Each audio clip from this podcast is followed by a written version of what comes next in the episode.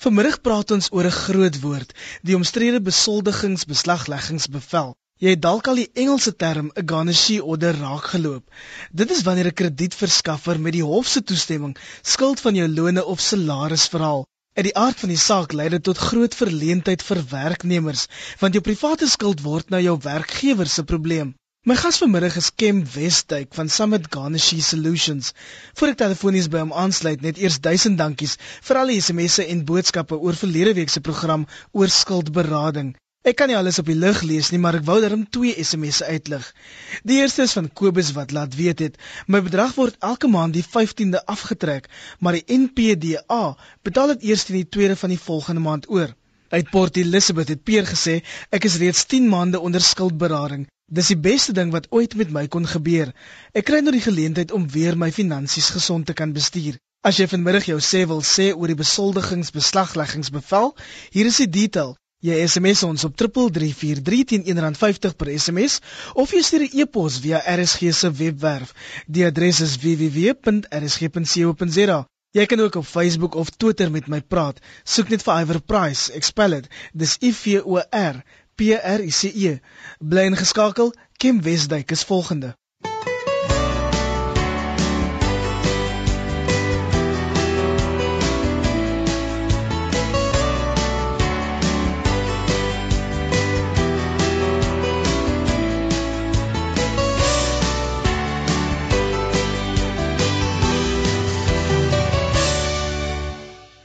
Presies is 'n BBB, 'n besoldigingsbeslagleggingsbevel? Ek dink mense ken waarskynlik die Engels bietjie beter, garnishee order. Ja, die Engelse naam garnishee order of selfs emolument attachment order is die meer bekende naam vir hierdie bevel, maar in Afrikaans is dit 'n besoldigingsbeslagleggingsbevel, nogal 'n mondvol. Die tipes bevele word gereguleer deur die Landdroshof-wet, artikel 65 van die Landdroshof-wet om spesifiek te wees en dit is in 1976 in die wet ingevoeg. Nou 'n BBB is 'n hofbevel in terme waarvan 'n kredietverskaffer 'n bevel kry dat 'n bedrag elke maand afgetrek word van die salaris van 'n werknemer uh, debiteer om sy skuld af te betaal. So die debiteer het skuld aangegaan by 'n kredietverskaffer uh, in terme waarvan hy dit moes terugbetaal oor 'n sekere termyn. Hy het wanbetaal en dan kry die kredietverskaffer 'n bevel teen sy salaris nou voor die proses in werking getree het, moes die kredietverskaffer as die persoon wanbetaal het, moes die kredietverskaffer 'n hofbevel kry en dan moes die baljie by die persoon se huis gaan opdaag om te sien het hy enige bates wat hulle in eksekusie kan verkoop om sy skuld te diens. Nou soos jy kan dink, meer gevalle as as as nie het die balie dan opgedaag by die persoon se huis en is daar geen bates nie. Hy het nie 'n kar om te verkoop nie, sy huis het in elk geval 'n verband op of wat ook al en die skuld moes afgeskryf word. Toe het hierdie metode in die middel 70s ingekom waar die bate wat op beslag gelê word is die persoon se salaris en wat jy kan dink is 'n baie beter bate as om te gaan soek by die persoon se huis of daar iets is om te verkoop om die skuld af te los. So die die salaris word op beslag gelê. So dis soos enige ander bate, maar dit is nou 'n salaris wat 'n gedeelte daarvan op beslag gelê word om hierdie skuld te diens.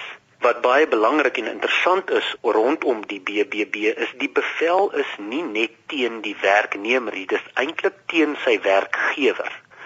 So in terme van die hofbevel word die werkgewer verplig om elke maand 'n sekere bedrag af te trek van die werknemer se salaris en daarin lê as ek dit so kan noem dan ook die tande wat die kredietverskaffer het as die werkgewer nie 'n maand die aftrekking maak nie kan die kredietverskaffer beteken op die werkgewer wat hulle noem 'n lasbrief van eksekusie en kan die kredietverskaffer as ware die werkgewer se bates verkoop om die werknemer wat die skuld aangegaan het, se skuld af te los. So alhoewel dit die werknemer die die debiteer, die persoon wat die skuld aangegaan het, alhoewel hy bewan betaal het, sodra hierdie hofbevel gekry word teen die werkgewer, kan die kredietverskaffer uh, op die werkgewer se knoppie druk en om die waarheid te sê sy bates selfs in eksekusie verkoop om hierdie skuld af te los en en dit dit maak dit natuurlik iets wat die werkgewers nie van hou nie. Kim, dis vir my moeilik om uit te pleis, is dit 'n goeie of 'n slegte ding en 'n baie effektiewe prosedure of nie.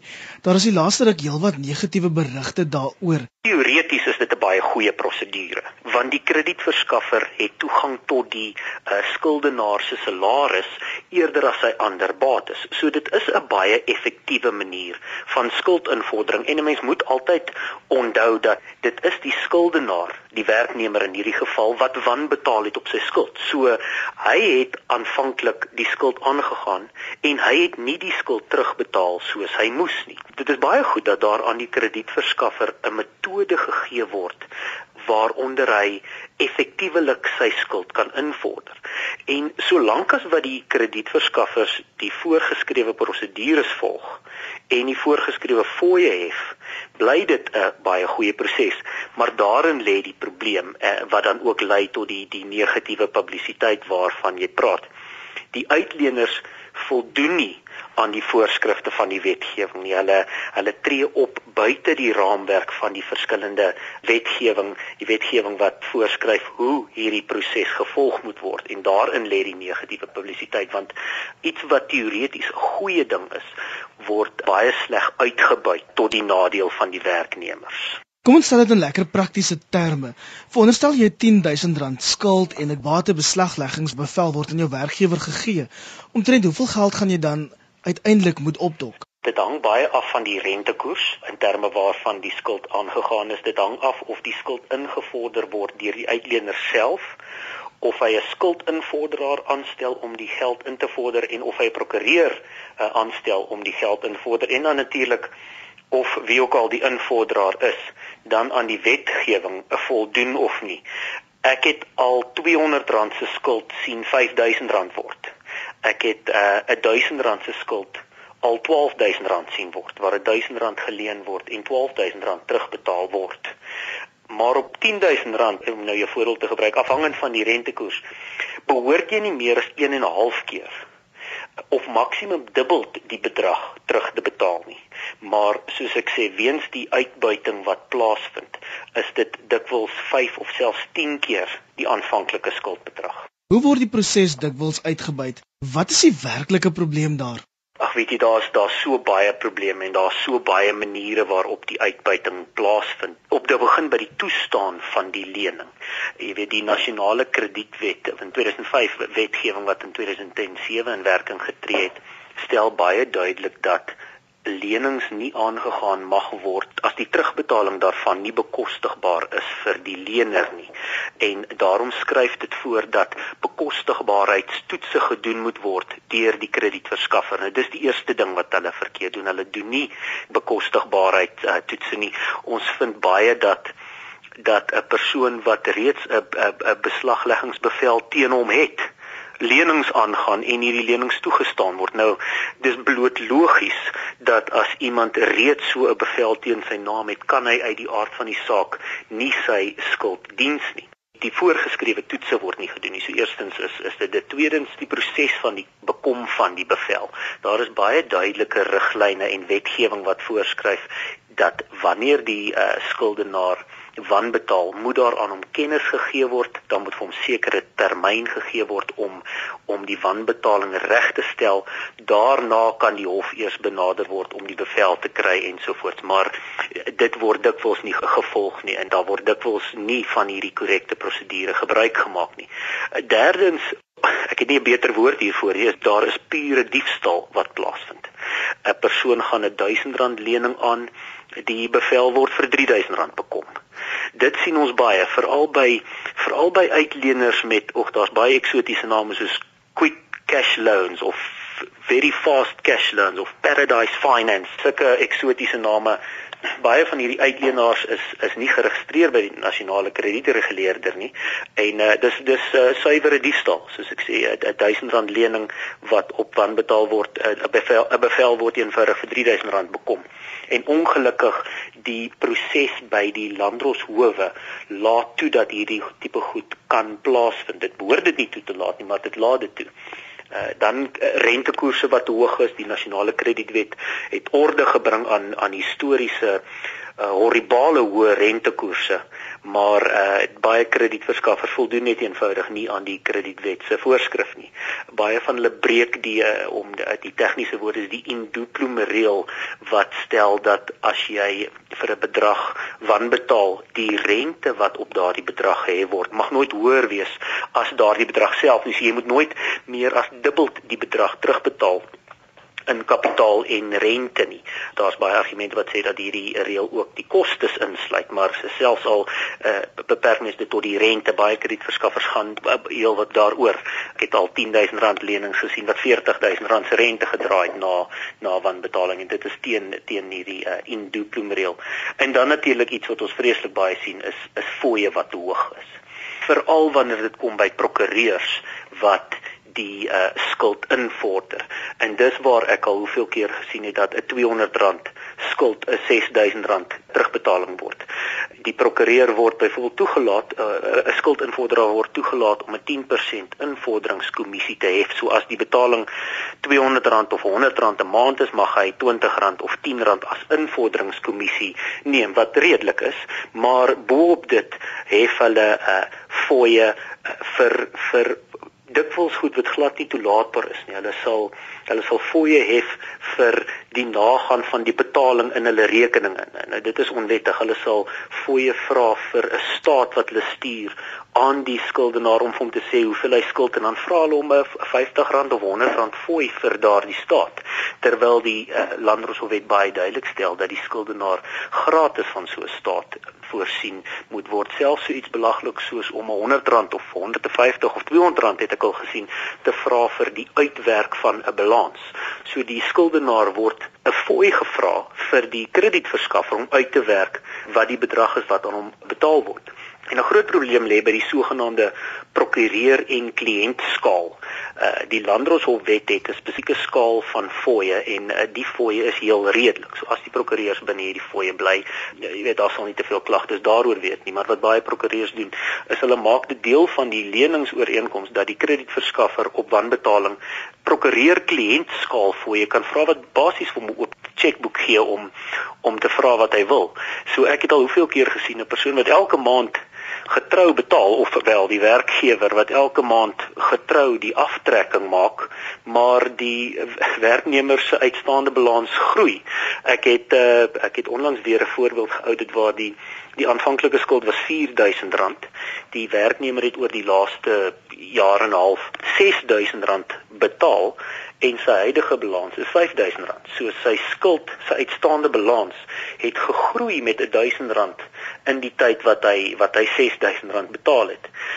En dan kry mens ook oor invordering. Die werkgewer wag ongelukkig maar gewoonlik vir die skuldinvorderaar of die kredietverskaffer om hom te laat weet dat hy maar die betaling gaan stop. Uh baie keer vorder hulle bloot meer paemente as wat die skuld toelaat. Hulle stop dit baie keer ook. Baie keer stop hulle dit korrek, maar daar is 'n klein bedragie wat hy oorbetaal het en dit word bitterlik min terugbetaal. So byvoorbeeld as die skuld R200 is en die laaste paement is R250, sien ons omtrent nooit dat daardie R50 wat oorbetaal is, weer terugbetaal word aan die werknemer nie. Ons praat nou verder met Summit Garnishi Solutions se Kem Westduik. Dit natuurlik oor jou regte en pligte met die toestand van 'n besoldigingsbeslagleggingsbevel. Ken baie luisteraars kla, hulle hoor eers van die aftrekkings wanneer hulle betaalstrokie in die hande kry. In die meeste gevalle, veral by groot ondernemings, word hierdie hofbevel aan 'n betaalrol afdeling toegeken en die werknemer sien dit eers wanneer sy geld in die bank is. In baie gevalle sê mense hulle handtekeninge en die erkenning van die skuld is vervals. Wat staan 'n mens te doen? Dit gebeur dat handtekeninge en sovoorts vervals word alhoewel ek moet sê dit is taamlik min dat ek dit al gesien gebeur het. Wat ek egter baie vind is dat in terme van artikel 58 van die Landdroshof wet kan 'n skuldenaar toestem tot vonnis teen hom.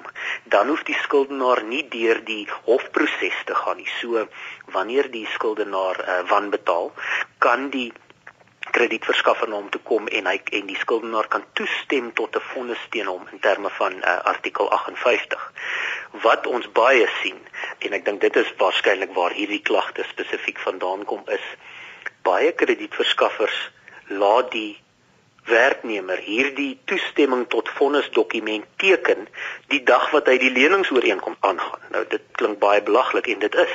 So die dag wat jy die dag wat die werknemer die geld leen, laat hom sommer die dokument teken in terme waarvan hy toestem tot vonnis teen hom. Nou dit is onwettig. Uh, voor jy jy kan so 'n uh, toestemming tot vonnis uh onderteken. Dit word natuurlik uh, gereguleer, maar jy moet uit die aard van die saak eers wanbetaal het en dan moet dan aan jou kennis gegee gewees het om die wanbetaling reg te stel, dan kan jy hierdie toestemming tot vonnis dokument teken. Maar jy weet die meeste van die werknemers, hulle is nie eers seker presies wat hulle teken nie. Hulle wil eenvoudig die geld leen, spul dokumente word in hande gegee.